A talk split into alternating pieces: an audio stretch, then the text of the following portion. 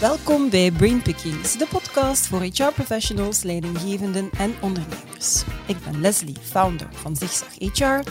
En met Zigzag HR dagen we jou uit om jezelf en je vakgebied heruit te vinden. Abonneer je dus zeker op dit YouTube-kanaal of volg ons op jouw favoriete podcastkanaal. Ik kruip deze keer in het hoofd van Philippe Peters. Niet alleen in Vlaanderen, maar ook in Duitsland en Oostenrijk heeft hij carrière gemaakt als acteur. Hij is het best bekend van zijn hoofdrollen in Recht op Recht, De Hel van Tanger en Salamander. Maar wist je ook dat hij een opleiding tot kok volgde en dat hij in het begin van zijn loopbaan meer in de keuken dan op de set stond? Hij werkte onder meer in restaurant Barbizon in Jezus Eik, dat toen twee Michelinsterren had, en in de Gulden Bok in Antwerpen. De liefde voor koken en gastronomie is duidelijk nooit overgegaan, want door toedoen van, of misschien is het dankzij corona, heeft hij het roer opnieuw omgegooid en keerde hij terug naar zijn roots. En samen met zijn gezin is hij een taartenzaak gestart. Lesseur Miller, vermoed ver, vermeld naar zijn echtgenoot, zal ik hem dadelijk wel vragen, en is gespecialiseerd in tarte tatin. En ik heb dat toch eventjes voor jullie opgezocht waar die naam eigenlijk vandaan komt. En we moeten daarvoor terugkeren naar 1889, toen de gezusters Tatin per ongeluk eerst appels en dan pas deeg in hun taartvorm hadden gelegd, omdat ze blijkbaar helemaal ondersteboven waren van het bezoeken van de paus. Enfin, ik heb dat gelezen, of dat klopt, geen enkel idee. Maar ik ben in ieder geval heel benieuwd hoe hij zijn loopbaan vormgegeven heeft, hoe hij zijn twee professionele passies, en misschien zijn het er nog meer combineert, en ik ga natuurlijk ook op zoek naar parallellen. Parallellen die er zijn tussen acteren, gastronomie en het bedrijfsleven. Als het gaat over werkgeluk, werkzekerheid en het binden en boeien van talent. Welkom. Dank je wel. Dank ja. u. Welkom op onze kantoorboot. Zeer fijn hier, een, een mooie plek. Ja, een zeer ja. aangename werkplek, denk ik. Ja. Maar absoluut, zeker en vast. Enkel in de winter is het een beetje fresjes. Ja. Ah ja, omdat dus, je dat um, toch niet helemaal... Omdat het, ja, de isolatie kan ik me is, voorstellen, uh, dat water... Dat is het, uh, is het bruggen overwinnen. Ja, ja, maar dikke kousjes, moonboots okay. en een muts. Nee, nee, zo erg is het niet, maar dat is voor mij het enige nadeel. Maar voor de rest is het eigenlijk een heel fijne plek uh, ja, absoluut. om te vertoeven. Dus uh, kijk, welkom uh, in het mooie Gent. Hè. Um, ja, ik ben heel benieuwd hoe dat je jouw loopbaan eigenlijk vormgegeven hebt en in welke mate dat alles zo volgens plan is gelopen. Hè? Wat je een uitgedokterd plan? Of is, is het eerder een samenloop van omstandigheden geweest? Wat wou, Hmm. zo, wat wou de twaalfjarige Philippe Peters eigenlijk worden? Als twaalfjarige uh, weet ik dat ik ja, uitkeek naar de woensdagnamiddag. Hè. Toen had je die uh, jeugdfeuilletons. Mhm. Mm -hmm. hè. Je had Nonkel Bob en daar was daarna een jeugdfeuilleton. Um, en dat was dan Fabian van Fallada, ja. uh, het zwaard ja. van Ardoaan. En ik vond dat geweldig. Ik, uh, ik wou dat naspelen tot ergernis van mijn ouders omdat ik dan een beetje te woest keer ging. en, uh, wel, mm -hmm. Ik was een brokkenpiloot ook wel hoor, ja. um, in, die, in die tijd. Dus uh, ja, ik heb wel een paar afleveringen van het Zwaard van Ardoaan daardoor gemist, omdat ik gestraft werd, omdat ik oh, iets ja, te baldadig ja. werd. maar dus dat, dat trok jou wel aan, zo ja, het ik vond acteren dat, ik, toch wel? Ik vond, ik dat geweldig. Um, maar ja, dat, heel, dat besef was er toch ook weer niet. Want Mhm. mm -hmm. ik weet nog, maar dan was ik jonger dan 12 jaar. Mm -hmm. hoe de, ik vroeg mij af, hoe kan dat nu dat die mensen allemaal gefilmd werden, als het dan over een historische film ging, terwijl hadden ze toen al camera's? Ja. Dat was toch een, een, een grote vraag mm -hmm. uh, bij mij. Ja. Um, maar goed, daarna uh, trok mij dat zeer erg aan en wou ik wel uh, iets in die richting doen, wou ik wel acteur worden. Mhm. Mm -hmm. ja, mijn grootvader was eigenlijk een hele goede muzikant, dus ja, die muziek zat er ja. al in. Mijn moeder speelde ook graag toneel. Dus ja, dat was wel iets. Ja. ja. Ja, dus eigenlijk in, in dat opzicht was voor u, uw loopbaan, dat ging wel duidelijk ergens die, die kant op gaan. Goh. Dan... Ja, terwijl ik ook heel erg aangetrokken werd door architectuur. Bijvoorbeeld mm -hmm. als ik in Porto uh, die brug zag over uh, de Porto. Dat? Ja. Ja, dat, dat, vond ik fantastisch. Dan dacht ik, ja, ik moet misschien toch bruggenbouwer worden of, uh, of architect of burgerlijk ingenieur. Um, want wiskunde was ook wel iets wat ik heel graag deed. Ja, maar veel interesses dan. Hoe heb je dan die knoop uiteindelijk? Wel, het was, eigenlijk, het was eigenlijk juist omdat uh, een beetje van alles, maar mm -hmm. niks te goed. dat ik dacht van, kijk, ehm, als acteur heb je heel veel nodig. Moet je een beetje Ja. van alles Om kunnen. je en, in te leven in de... Ja? maar niks te goed. Of de suggestie kunnen wekken dat je het goed kunt. Ja. En voilà, dan dacht ik, ja, dat is iets voor mij. Maar Ja. eigenlijk wou ik in het buitenland gaan studeren. Eigenlijk wou ik naar Parijs of Mhm. naar Londen gaan. Omdat ik dacht, ja, in Vlaanderen, dat is... Klein. Bestaat dat hier Ja. eigenlijk wel? Ja. natuurlijk. Fabian van Vallenda en zo. Mhm. Maar ondertussen was dat dan toch ook al gedaan. Had dat toch ook al een eind genomen, die jeugdfeuilletons. En, maar mijn ouders zeiden, jongen, eh, ze hadden al een slechtere ervaring met mijn broer die in het buitenland was Mhm. gaan studeren of naar het buitenland vertrokken. En die had dat dan niet helemaal afgemaakt en zeiden, ja, maar doe eerst hier iets in Ja. Vlaanderen. En toen dacht ik, ehm, ik ga mijn plan trekken en ik ga, omdat ik, ik had Latijn wiskunde gedaan Mhm. en ik was 18 jaar en dan kon ik, ik had dat opgezocht, kon ik ehm, op één jaar een koksdiploma halen. Mhm. In En- het buitenland. Nee, in, Nee, in, hier, in, hier, in, ja. in, in, in Vlaanderen. Ja. En dat was dan, ik heb dan een leercontract gedaan. Via een leercontract kon ik dat op één jaar doen. Ik moest ook niet eh, die... die eh, de- je hebt één dag beroepsschool dan. Mhm. En ik moest die algemene kennis niet volgen, omdat mijn diploma eh dat eigenlijk... Ja, was. had al... Ja, Ja. Mhm. Dus, maar ik kon dat op één jaar doen. En dat was altijd al een grote passie geweest. Want toen Mhm. ik acht jaar was, stond ik al pannenkoeken te bakken. Eh. En mijn mama Nog was ook een heel goede. Nee, nog niet. Maar mijn grootmoeder was een heel goede taartenbakster. En die kon heel goede biscuits, eh, zo de mokka-biscuits maken. Ja, en ja. en Mm. ja, van alles. En mijn moeder ook. Dus ja, die passie die was ook wel bij ons thuis eh, absoluut wel aanwezig. Die, die, die passie voor gastronomie. Ja. Ehm, dus ja, ehm, ik de keuken in, de Barbizon. Ja. Eh, dat was dan inderdaad een twee-sterren Ja. restaurant toen der tijd. Dus ja, je zit direct op het hoogste niveau. Mhm. eh, kunt je leren. En ja, dat waren eigenlijk... eh, je begint natuurlijk met de vis te kuisen en, en de aardappelen te schillen, bij wijze van spreken, en de kreeften te koken. Ja. Maar al gauw kon ik dan opschuiven. En zo heb ik eh, eigenlijk heel de tour van het restaurant gedaan. Heb ik uh, evengoed uh, de voorgerechten als de, als de rotisserie, als de, de desserts gedaan. Dus Ja. ja, uiteindelijk was dat een zeer, zeer fijne opleiding, een zeer fijne werkplek. Maar op Mhm. een bepaald moment zei trouwens Alain Deluc, die toen daar patron was, die zei van Philippe, à mon avis, tu as du talent, mais bon, si tu restes ici, je te promets, dans deux ans, tu seras chef de cuisine. Oké. Ik was daar zeer door gevleid, maar ik zei, Ja. hey, ah, ehm, je suis désolé, mais bon, je veux, je veux devenir comédien, en fait. Eh, oh, maar, allee, Want- Mhm. allee, gij, eh. en dus ja, ik had zoiets, ik hield voet bij stuk. Ja. En, En dan ben je een andere studie gaan. wel, volgen. iedereen die zat mij uit te lachen en ik vertrok en heel de brigade stond mij uit te zwaaien. Hè. Tu peux revenir dans trois mois, on se reverra. t'es Toujours Ja. Maar ja, ik ben toen vertrokken Ja, en eh, met het idee van ik word eh, eh, acteur. ja. Eh, en ja, ik had eigenlijk ja, zo... De Franse cinema was wel iets waar Mhm. ik mee opgegroeid was, Ja. omdat ik eh, in de buurt van Brussel Ja, woonde. ja, ja. En wij gingen altijd naar de Broekeer, naar het UGC. Mhm. En eh, ja, zo... eh, oh, hoe heet hem nu weer? De acteur. Dat was mijn voorbeeld. Ik ben zijn naam vergeten. Een komiek of zo. nee, nee, Gérard Nee. Depardieu. Ah, ja. Ah Eh, ja, Gérard ja, ja, Depardieu, die was ook eigenlijk van straat geplukt. Ja. En op een En bepaald jij moment... ook van straat gebruiken. Ja, eigenlijk wel. Hè. Ik dacht van, goh, dat moet lukken. Hè. Ja. En dus ik las in de krant dat Jan van Raamdonk eh, de film De Leeuw van Vlaanderen Ja. ging draaien. Ik dacht, yes, Jan van. Raamdonk. Ja. Dus ik in, een- in een telefoonboek van Raamdonk, van Raamdonk, beginnen bellen. En bij de dertigste telefoon Had je prijs. had ik prijs. Was het, eh, allez, maar het was dan... Non, c'est la ménagère, monsieur, il faut téléphoner à son bureau. En dus naar zijn bureau. En ik zeg, goeiedag, ik ben Philippe Peters. Ik ben acteur. En eh, zijn er nog rollen vakant? Zei hij, oei.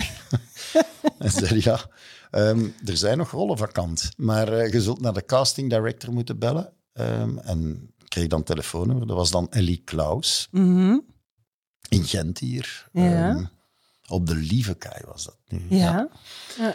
En die zei, ja, je moet uh, foto's insturen en je moet uh, je cv insturen. Maar ja, toen foto's, nog, ik had ja. nog geen foto's, dus die werden dan gemaakt. Die moesten dan heel snel organiseren dat die gemaakt werden, dat die ontwikkeld werden. Dat duurde dan nog een paar dagen in der tijd. En ja. een cv, ja, dat was dan uh, humaniora, kok. En ik had er dan toch avondcursus acteren bij gezet. Ja. En ja, ik werd uitgenodigd op de casting kreeg een kans en ik kwam op de casting. En wie zat er daar? Hugo Claus, want hij regisseerde de film. En hij stelde mij een aantal vragen. Uh, mm Moest die casting doen of dat ik kon paardrijden? Waarop ik antwoordde, ja, tuurlijk, ik ben geboren op een paard. ah ja, goed zo.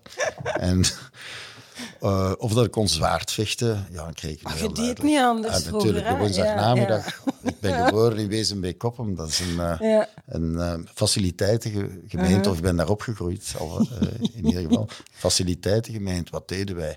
Om twee uur kampen bouwen, drie uur vechten tegen de Fransen. Hè, want, en dan om vier uur samen shotten. Ja, oké. Okay. Voilà. Dus zo heb ik mijn Frans geleerd ook.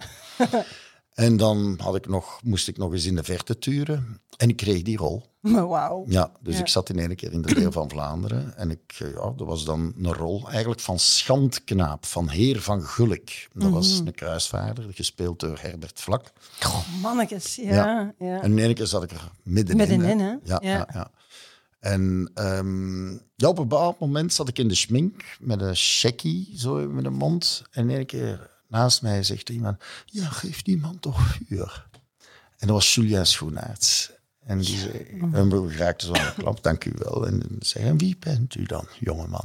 Ik zeg, ja, ik ben Filip Peters en ik zou graag acteur worden. Maar je bent toch al acteur, want je bent namelijk hier. Ja. Ik zeg, ja, maar ik zou daar graag mijn beroep van maken. Dan moet je naar Studio Herman Terling gaan. Ja. En ja, als Julia Schoenaerts dat zegt, dan, dan doe, je, je dat, natuurlijk. Ja. ja. absoluut. Dus uh, ja, ik had nog drie dagen om mij in te schrijven. en dan uh, heb ik mij uh, meteen ingeschreven. Ja. Ik kreeg iemand aan de lijn. ehm, die zei, u bent rijkelijk laat, jongeman. En dat bleek de directeur dan nadien te zijn. Ja. maar goed, dan ingangsexamen, Herman Teiling gedaan. Een aantal jaren daar dat gedaan. En ja, um, dan toch net niet ehm, ik heb dat gelezen, net ja, niet ja, afgestudeerd. Net niet afgestudeerd, nee. Als brokkenpiloot? Nee. Als brokkenpiloot, ja, inderdaad. Oké, okay, maar het is niet omdat je niet afgestudeerd bent dat je de kniepen van het vak niet nee. kent. De Leeuw van Vlaanderen heb ik wel helemaal... Um, dat, uh, toen dat mijn draaidagen gedaan waren, ben ik naar de opnameleider ge gegaan en gezegd... Ja, die catering hier, dat kan beter. Zal ik het doen? En de laatste drie weken hebben we de catering nog maar, gedaan. Nee, ja, ja, oh, dus boeiend. Perfecte combinatie. Wauw, super boeiend, super boeiend verhaal. We gaan even naar, uh, naar corona. Ja, als acteur natuurlijk ben je bijzonder hard uh, getroffen daarin. Je bent toen echt wel geschakeld van acteren echt naar de verkoop van Tartata? Of geleidelijk aan? Omdat dat is zeer organisch ja. uh, gegaan eigenlijk. Um, mm -hmm. Het is te zeggen, we hadden een, um, een toneelstuk met, ja. uh, met uh, mijn familie. Ja. Dus met mijn gezin, met mijn vrouw, Anneke Miller. Ja. En met mijn twee uh, dochters, uh, ja. Lou en Leons. En ja, dat was in een regie van uh, Milo Rauw hier in Tente Gent. Mm -hmm. dat was januari 2020 zijn we in première gegaan. En, en in maart in lockdown. In maart in lockdown. We kregen een geweldige, goede kritiek internationaal dan ja. toch, waardoor dat we echt een geweldige, mooie internationale tournee konden gaan doen. Ook in New York werden we uitgenodigd. Allee, dat was fantastisch. Um, maar ja, 13 maart was zover. We gingen ja. juist in de Schaubühne, denk ik, en in, in een Burla, maar ook in de Schaubühne in Berlijn gaan spelen. Dat viel dan juist weg. We gingen juist op het vliegtuig stappen, denk ik. Ah, dat, dat. Ja. Dus ja, wij dachten, ja, wat kunnen we doen? We gaan hier toch niet blijven zitten, mannetjes. We, kunnen, we gaan ja. weer blijven wachten tot dat over is. Dus wel zoiets, oh, maar wij zijn een bubbel. We gaan een film daarvan maken. Dus we hebben dan uh, zelf die film geproduceerd, daar mm -hmm. toch nog in geïnvesteerd. En uh, in, in, in, samenwerking, co-productie met uh, NT Gent. Ja. En die film uh, is dan helemaal gemaakt geweest, ja. is gemonteerd. En die werd goed bevonden door het Filmfestival van Gent hier. Mm -hmm. Waardoor dat we... en werd geselecteerd om hier première te houden tijdens het ja. filmfestival. Dus we hadden een première op het filmfestival hier in 2020. En twee weken later was de bedoeling dat die uit ging komen, maar Ja, ook alle cinemas dicht. eh, toen. Ehm, ja, dus geen film ook niet. Dus dan Nee. laten we terug van, oei, en nu? Weer geen pers- perspectief, nul perspectief. Dus dachten we, ja, wat gaan we nu doen? Mm. En het was toevallig eigenlijk dat ik met mijn dochters, ehm, met ons gezin, dat we een boerderij waren gaan bezoeken in Frankrijk. En ehm, dat was eh, een boerderij waar dat ze ehm Poulard de Bresse, ehm, maar er liepen ook een paar varkens rond. En die liepen zo los in een bos. En dat waren Peur de Bayeux. Ja. En ik zeg eh, tegen Dimitri, ehm, die eh, de, de, de, de eigenaar is van eh, Mhm. die farm. Ik zeg, man, Dimitri, als er hier zo een doodvalt, je mag mij altijd bellen. Ik ben altijd kandidaat om een zo'n over Ja. te pakken. En juist begin november 2020 belt hij mij toch niet om te zeggen, zeg, Er is er een. er is er hier een, heeft het dinges Ja. gegeven. Dus ehm, als je wilt, kun jij een helft hebben. En Ja. eh, de, andere, de mensen van de andere helft, die willen alleen het vlees. Ik zeg, ja, heel Mhm. graag, geef mij maar alles. Dan kan Ja. ik tenminste pensen draaien en Ja. een Bataclan. En als je het bloed hebt, maar het bloed dat was dan moeilijk, want Frankrijk, allee, ja, dat Ja. mocht je niet. Maar goed, ik maak daar een paté van. Ja. Ik maak daar paté van en ik denk, ehm, goh,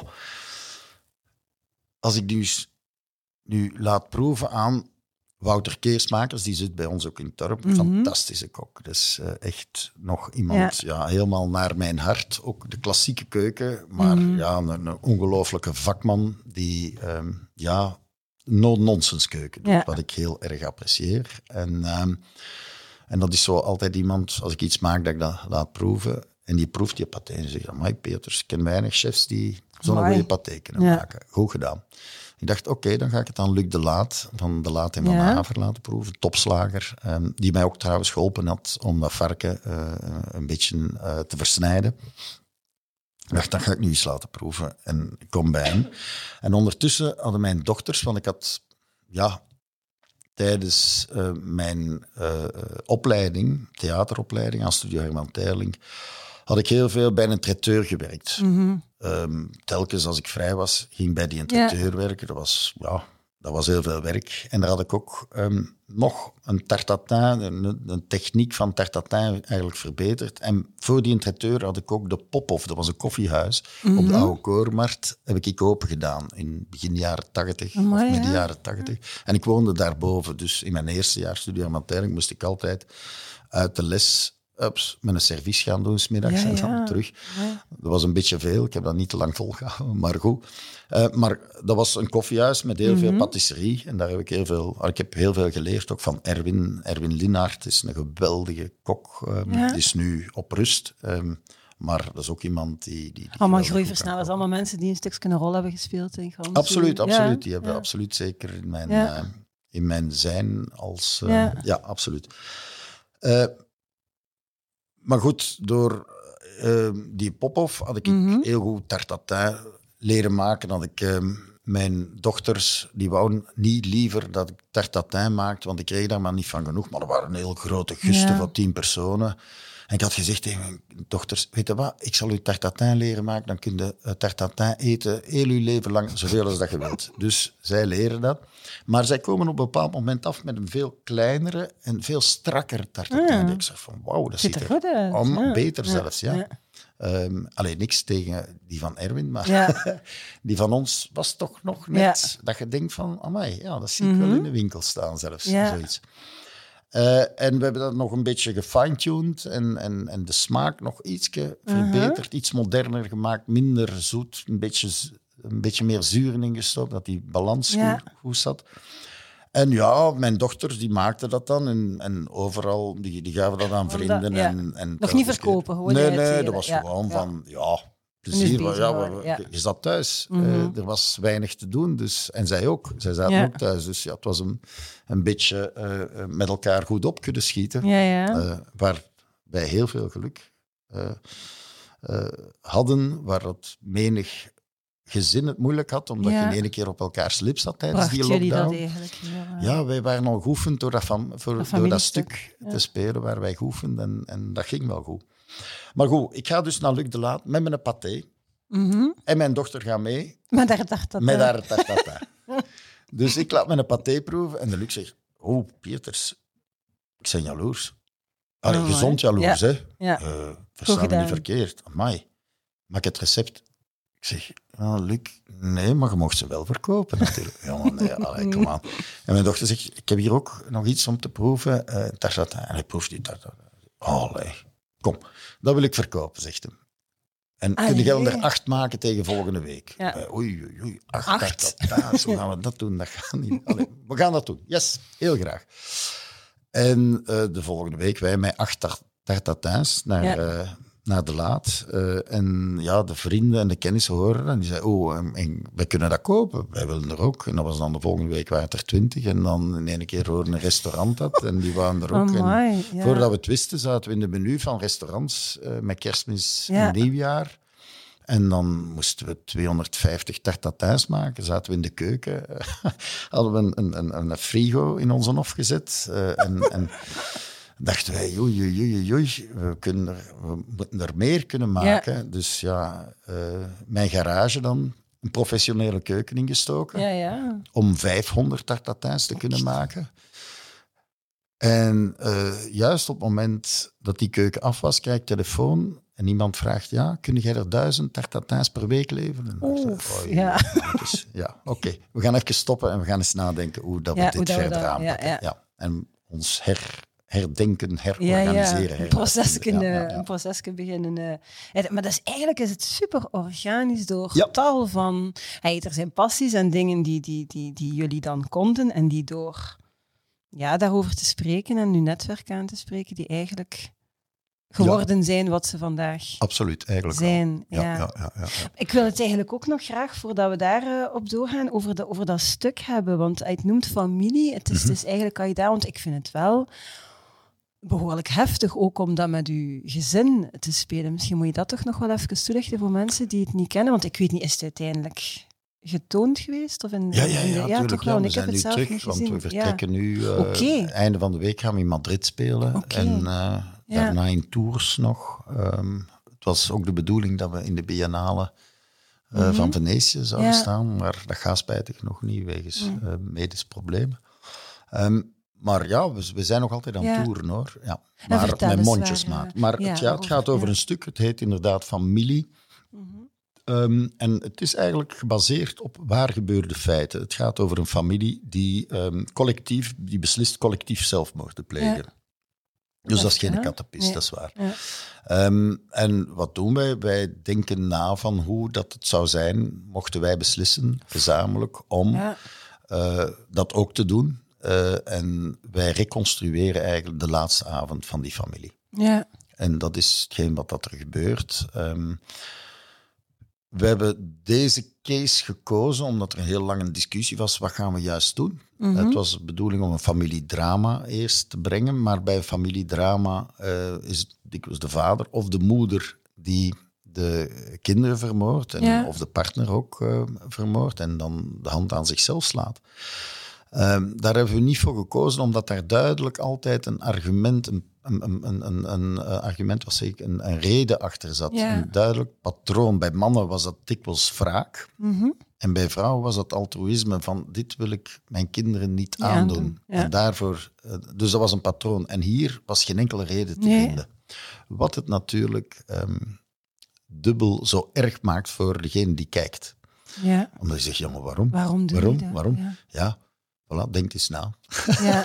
dus ja, dat, met dat, die, Ja. ehm, dat eh, gevoel iemand opschepen is natuurlijk heel, heel Ja. moeilijk, heel zwaar. En, en, en er komen alle redenen, dus dat blijft plakken natuurlijk. Dat Mhm. Ja. is niet, ehm, maar het is natuurlijk een parallel. Onze kinderen waren 13 en 14 toen dat we daarmee begonnen met dat stuk. En dat zijn toch leeftijden waarin dat ze juist eigenlijk op dat moment afstand nemen van hun ouders, maar ook existentiële vragen beginnen te stellen. Ja. Waarom leven wij? Ja. En dus eigenlijk dat existentialisme Ja. waarover dat stuk ook gaat, dat is bij hen heel erg aanwezig, terwijl wij dikwijls toch een beetje stiefmoederlijk die vragen beantwoorden. Dat we dat niet heel altijd We gaan dat wat uit de weg ook. Ja, en, en ook zo van, Ja. ja, ja, ze hebben, het zijn pubers. Ja. Het zijn pubers.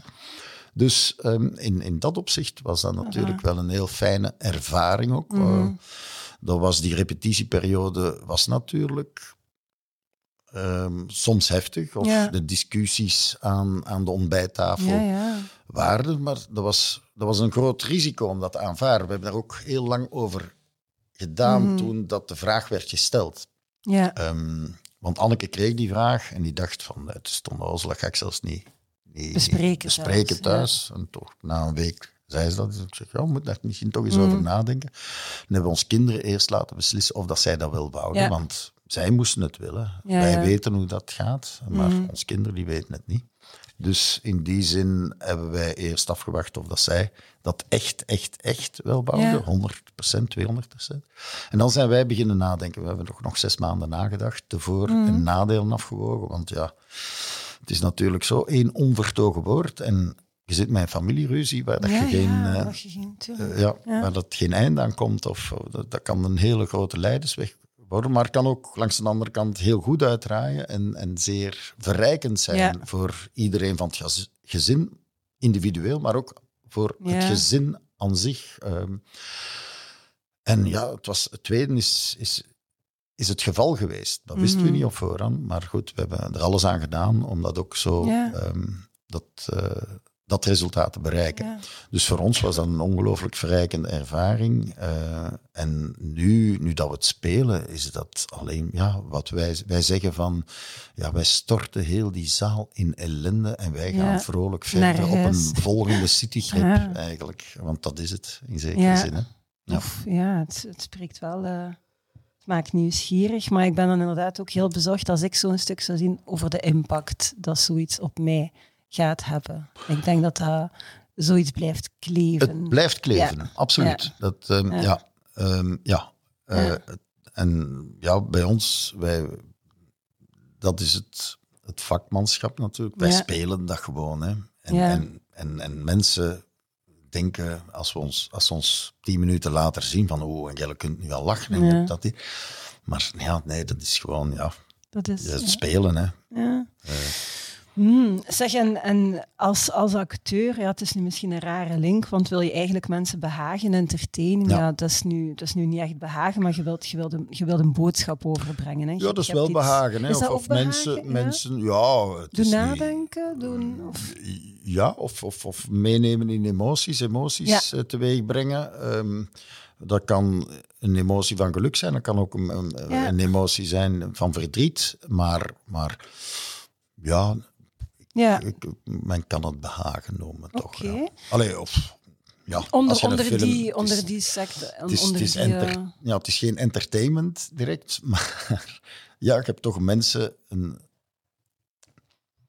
een aangename avond bez- bezorgd. Ja. Al, al klinkt dat heel raar Ja. in dit, eh, met dit gegeven, maar mensen komen speciaal daarvoor. van hun thuis helemaal naar dat theater eh, om daar iets mee te maken. Ja, En misschien gaan ze nog iets eten, misschien, maar ze hebben iets beleefd. ja. Het is een, ik denk dat dat Dus- is beleving, ervaring zo, Voilà. en experiences, gelijk dat ze dan in, in, in het Engels zeggen. Dat is een stukje eigenlijk ook bij gastronomie. Hè. Als je eten maakt, wil de mensen behagen. Is dat dan zo de grote rode draad doorheen alles wat dat je, wat dat je doet? Dat ik een pleaser ben. Goh, pleaser zou ik het niet willen noemen, maar dat, dat het belangrijk vindt dat mensen entertained worden, zich comfortabel voelen, zich welkom voelen, eh, lekker kunnen eten, op, op een gemak kunnen zitten, iets horen, emoties kunnen voelen. eh, Wel, het is heel simpel eigenlijk. Ehm, als je een film maakt, dan zijn je gemakkelijk. En dan heb ik het nog niet over produceren. Maar als je gewoon meespeelt, dan zijn je gemakkelijk een jaar onderweg voordat je ergens respons hebt. ja, Allee, het is niet waar, hè, want je eerste publiek is de ploeg die daar Ja. staat tijdens het draaien. Maar dat is nog helemaal anders hè, als dan het uiteindelijke. dan het uiteindelijke Ja. resultaat. Ja, ja. Bij gastronomie is het helemaal anders. Instant. Je maakt je taart, je geeft dat aan iemand, die, net, die een proeft daarvan en die krijgt een glimlach Ja. en die vindt dat lekker of je bedient iemand met, met die... En die worden instant Ja. gelukkig. Ja. Ja. daarover gaat het. Mensen gelukkig maken. Dat is mijn enige betrachting. Ook Ja. bij Miller is dat zo. Eh, en dat is altijd zo geweest, ja. Oké. Daarvoor doen we het. Om Ja.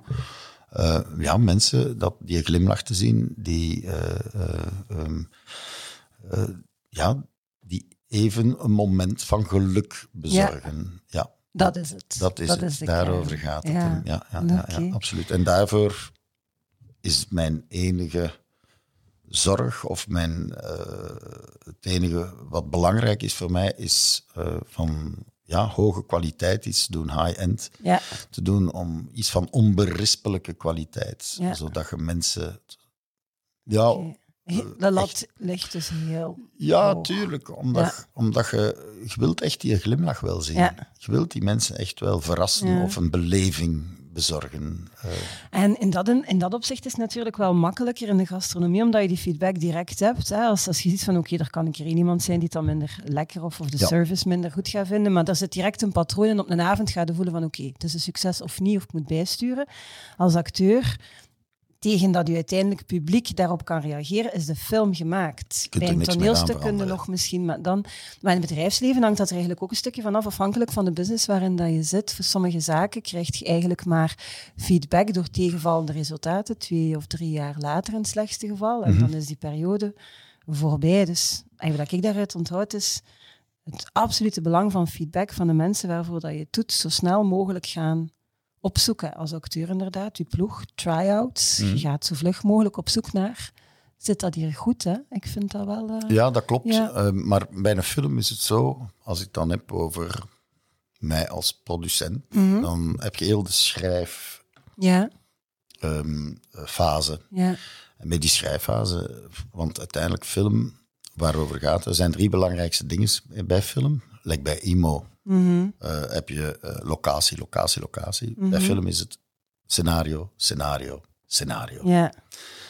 En ja, dat scenario, dat moet eerst helemaal, Helemaal top zijn. Want Ja. anders, ehm, En daar krijg je dan wel feedback op, bedoel je? Of daar vraag je wel daar, feedback dat is op? Ja. enorm, eh, ja, Ja, daar oké. proberen zoveel mogelijk feedback op te krijgen, om toch zeker te zijn. Want van een goed scenario kun je een goede film maken. Van een slecht scenario kun je Kun je nooit geen goed film. Ja. film meer maken. Maar je kunt een goed scenario waarschijnlijk ook heel erg Helemaal knoeien. naar de Ja, helpen. Ja. Ja. Oké. Als er dan naar parallellen tussen acteren bijvoorbeeld en bedrijfsleven, hoe word je dan gecast voor een rol? Is dat dan, hè, er, is, er wordt een stuk geschreven, is dat dan met het oog op van we willen eigenlijk voor die rol die en die persoon? Wordt het dus echt geschreven op maat van? Of, of wordt het geschreven en wordt er dan eigenlijk... Oh, als je geluk hebt, dan wordt het op u geschreven. Ja, maar dat gebeurt? Dat gebeurt wel eens, Ja. maar uiteindelijk is het zo dat hm, een leraar van ons eh, op studio zei, goh, als je 10% van alle rollen echt zegt van yes, dit was het, dat zal het veel zijn. Oh, mooi. Ja. Oei. Ja, ja inderdaad. We, we, we hebben, ehm, ik heb, ehm, we hebben samen de, de, de acteursgilde opgericht een Mhm. aantal jaren geleden. En er is dan een onderzoek geweest naar ehm, het werk, eh, de arbeid van die acteurs Mhm. zetten. En toen bleek dat er maar 7% eigenlijk kon leven van hun acteeropdrachten. De rest moest bijklussen. Dus 93% moet bijklussen. Ja. Alleen al met die wetenschap, dan, ja, Ja. de rollen liggen niet zo Nee. eh, eh, dik bezaaid. Hè. Er zijn heel, heel, heel veel gegadigden, Mhm. maar heel, heel, heel weinig uitverkorenen. Eh, Amai, is dat is compleet anders dan op de arbeidsmarkt. Daar is het, de vraag heel groot en het aanbod te krap. Hier is het eigenlijk is helemaal omgekeerd. Omgekeerd. En daarvoor Ja. was het heel belangrijk dat er een belangenvereniging Ja, werd opgericht. om die belangen te behartigen. Om die belangen te behartigen, omdat er wel is, ja, als een dien het niet doet voor 50 euro, dan doet een dien het wel voor, voor, voor 10. Allee, ja. Ja. Wat was is dan een- een impact op, op werkgeluk? Dus je hebt een enorme werkonzekerheid. Sowieso, sowieso. Maar die hè. werkgeluk, waar haalde dan nu uw goesting uit om, om alle dagen op te staan? Wel, in het begin, toen dat ik acteur was, toen was het bon ton om te zeggen, je mag, je van geluk spreken, dat je mocht meedoen. Huh? Eigenlijk, dat was het. Ja. Ehm, Dus dat is waarschijnlijk helemaal omgekeerd als in de Ja, bedrijfswereld. ja. Eh, En vandaag toch is Ja, het het schreeuwen om. Ja, Ja, is er een enorme krapte. ja, absoluut. Ehm. Maar dat is ondertussen wel veranderd hoor, die mentaliteit. Eh, Ja. dus, eh, er is een hele evolutie geweest Ja. door die tientallen jaren heen. Ja, en, ja. En het is zo, in, in, in het buitenland word ik meestal gevraagd. Dan krijg ik een hele mooie brief Ja. eh, waar dat men zegt, Herr Peters, wir möchten Sie für diese Rolle gewinnen. Ja, En Het woord alleen al gewinnen. Ja, ja, ja, Ja, ja, En, ja. en dat is natuurlijk heel Ja. fijn om te krijgen, omdat je dan voelt van, ah, ze willen mij echt. Ja. En dan steekt er toch altijd een tandje meer bij. Ja. Dat is eigenlijk en gaat helemaal... prijs in de dan wet. ook naar omhoog? Dan merk je bijvoorbeeld op de arbeidsmarkt, als mensen voelen van ik ben heel gegeerd, gaan ze de Oh. prijs, of bij de loononderhandelingen speelt dat, of is dat, speelt dat hier niet? Is dat gewoon van Nee, wauw, in, dat? Duitsland zit je met pauschalen, eh, met Uh-huh. een bepaald, met een aantal... En hier in België heb je dat ook, maar het is een vrije markt. Ja, Natuurlijk. Hè. Ja. Ehm, dus ja, je hebt marktwaardes. Ja. Eh, iemand die heel bekend is, zal Meer meer, geld kosten dan iemand die minder bekend is. Maar in Duitsland zit je met, ja, voor de ARD of voor de ZDF, dat zijn Vaste toch schema's. eh, eh, ja, ja, of schalen, of, of ja, ja, ergens... het? Een, goh, pauschaal Ja. in, in, in het Duits, maar nu kom ik niet op het Nederlandse woord. We, zullen, we zullen het achteraf opzoeken en we zullen het erbij ja, zetten. ik ga er nu niet direct op komen, sorry. Ja, dat is geen, dat is geen probleem. Maar eh, ja, dus daar word je dan effectief gevraagd. Maar over het algemeen, ja, ik schrik daar wel van. Ey, ik schrik Barema, sorry. Barema's. Oké, ja. ja. pauschalen. Kijk, het gaat mij nooit meer ontgaan, ongetwijfeld. Maar ehm, ja, ik schrik daar wel van naar, naar dat dat zo beperkt is. Dat het moeilijk is om je daar je inkomen... eh, dat denk ik wel. Hè. Er zijn inderdaad veel mensen die acteur willen worden en maar weinigen die dan die Ja, tot absoluut, die top ja. gaan, gaan, gaan doorgeraken. Maar dat er maar zo'n klein percentage van de projecten is die je echt graag gaat doen. En nog eens de parallel naar het bedrijfsleven. Hier wordt eigenlijk, en ik geef dat mijn kinderen, die zijn 16 en 22 mee, je moet niets doen tegen je goesting. Nee, nee, maar nu, nu dat wil niet zeggen. Het is niet goesting, tegen je Nee. goesting. Hè. Het is gewoon van die rollen waar dat je van zegt, yes, hier zit Ja. enorm veel vlees aan. Hier Ja. kan ik echt eh, het een en het ander Ja. mee. Er zijn ook heel veel rollen die je doet omdat de rekeningen moet- moeten Ah, betaald worden. Hè. Ehm, eh, dat is zo. En je hebt niet altijd de rollen zomaar voor het uitkiezen. Nee, dat is niet, niet altijd het geval. Allee, toch bij de meesten niet. Nee. Eh, Mhm. Er zijn er natuurlijk altijd uitzonderingen. Maar ik praat nu in het algemeen. Ja, ja. Eh, ja, zijn mensen die gewoon zeer blij zijn met werk. Gewoon. En, en dat is ook altijd, het is, het is een fantastische job. Hè? Ja. Eh, versta mij niet verkeerd. Mhm. Dus het is niet zo van, amai, nu moet ik dat spelen. Nee. ja. Het is, eh, eh, maar de rollen waar dat je jezelf helemaal kunt in leggen, In- dat zijn de ones. Ja, dat zijn ja. er niet zoveel. Nee, nee, nee. nee. En wat was dat voor jou? Heb je zo Degene gedaan? waar ik misschien het liefste heb gedaan eh, waar ik het meeste mee kwijt kon, dat zal de Hel van Tanger geweest zijn. Dat was, eh, ja, dat was een toch een rol waar ik ja, toch wel het een en het ander heb voor moeten doen. Ja. Ten meer ook omdat we die helemaal achterstevoren hebben gedraaid. ja. We zijn begonnen met de allerlaatste scène te filmen en zo zijn we Hmm. naar voren gegaan. Dat was eh, niet zo evident om te doen. nee. En de reden daarvoor was logistiek? Omdat of- ik, ja, eh, in de zin van dat ik... eh, Uw proces, ja. Ja, dat ik niet. Ik kon moeilijk, tijdens het filmen kon ik moeilijk afvallen, maar Ja. bijkomen ging veel gemakkelijker. Dus, Amai, dus je moet dat dan helemaal... Ja, Ja, dat lijkt me dat, niet... eh, dat was wel een ja. puzzel. Dat was Ja. een puzzel. En ik vertrouwde heel erg op de regisseur, maar de regisseur vertrouwde heel erg op mij, dus dat was perfect. Eh, we, wisten niet van, dat wisten we niet van elkaar. En we hebben iets gedaan en het is goed uitgedraaid. Voilà. Eh, Ik, ik heb nog ongelooflijk veel vragen, maar we gaan er niet meer geraken, want we zijn al dik over het half uur eh, gegaan. Ik ben aan het kijken wat ik u zeker nog wil vragen. Ja, ik wil precies daar, omdat ontwikkeling toch wel ook een thema is dat we, dat we in, in, in het bedrijfsleven heel erg belangrijk vinden. Ik was een, een tijd geleden in een andere chef-kok, Peter Goossens, Ah, zijn hoofd is eh, gekropen. Als je niet leert, ga je dood, zei hij. Maar echt zo Hmm. knal. En zegt hij, voor hem is leren en blijven leren, uzelf continu heruitvinden, cruciaal. In eender welke job dat je doet, ja, als chef-kok. En dat betekent niet altijd de nieuwe hypes volgen, maar gewoon jezelf continu heruitvinden. Ja, dan vraag ik me af, hoe zet jij in op ontwikkeling? Hoe, hoe, hoe, hoe- waar tankt jij bijvoorbeeld ideeën, inspiratie voor nieuwe projecten? voor films, voor theater, voor... voor Wel, recepten? dit project, Les Sœurs Miller, Ja. is bijvoorbeeld voor mij was dat zeer belangrijk om te overleven, om te blijven overleven. Ja, Ehm, eh, eh, voor mij gaat het over de sprankel in de champagne. Op een bepaald moment gaat die eruit. En, ja. Maar die les bulles, dat is Ja. zo belangrijk in champagne. Dat geeft mij een levensenergie. Energie. En Les Sœurs Miller kwam juist op het juiste moment. Of was iets wat ik moest doen om, om, om mij mentaal nog gezond te houden, bij Tijdens wijze van spreken. Tijdens die Ja. coronapandemie, zeker.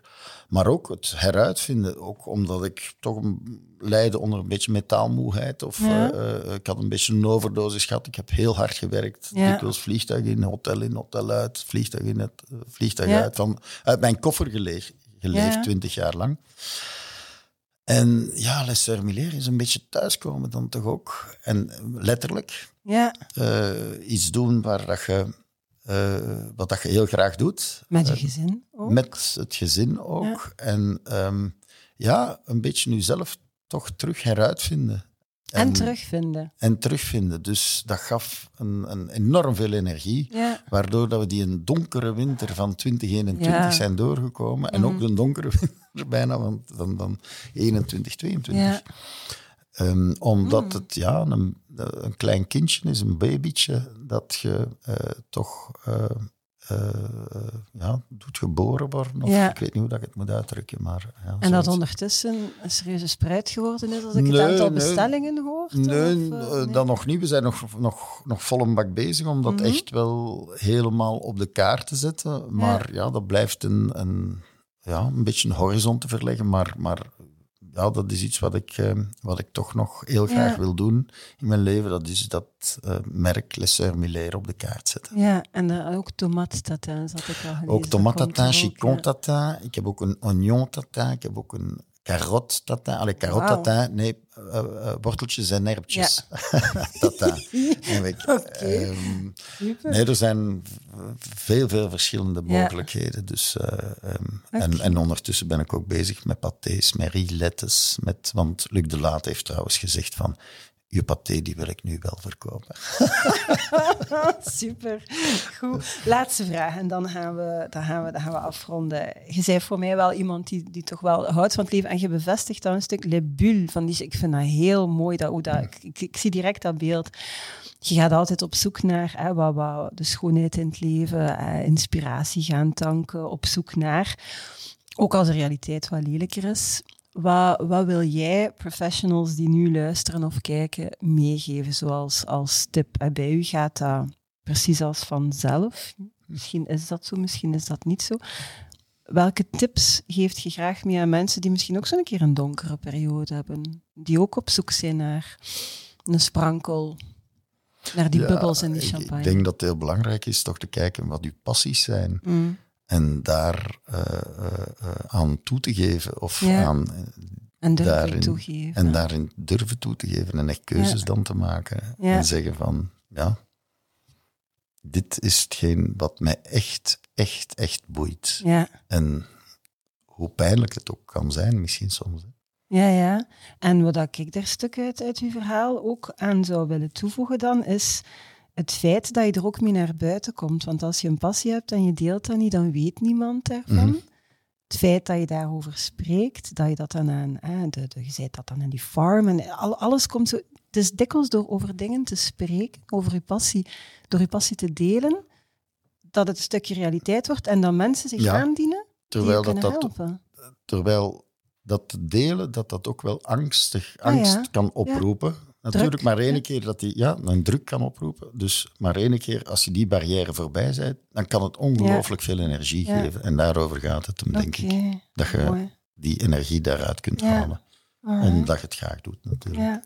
Oh, ik had nog zeker zes vragen, maar we gaan het hierbij. Ik zal nog een keer terug. Ik zal een episode, een episode Ik denk dat we dat moeten doen. Ik denk dat we dat moeten doen. In ieder geval, heel hartelijk bedankt Nee, eh, dat ik in uw voor de hoofd mocht uitnodiging. Ik kruipen. vond het zeer ja. fijn. En wel, ik vond het ook heel boeiend. Merci. Dank je. Dankjewel ook uh, aan jullie om te kijken of om te luisteren. Vond je deze podcast fantastisch? Vertel dat dan natuurlijk aan zoveel mogelijk mensen verder. Heb je honger naar nog meer? Surf dan eens naar ons YouTube-kanaal of abonneer je op onze podcast via jouw favoriete podcastkanaal. Het allerbelangrijkste, weten jullie al, it's a great time to be in HR. Tot de volgende!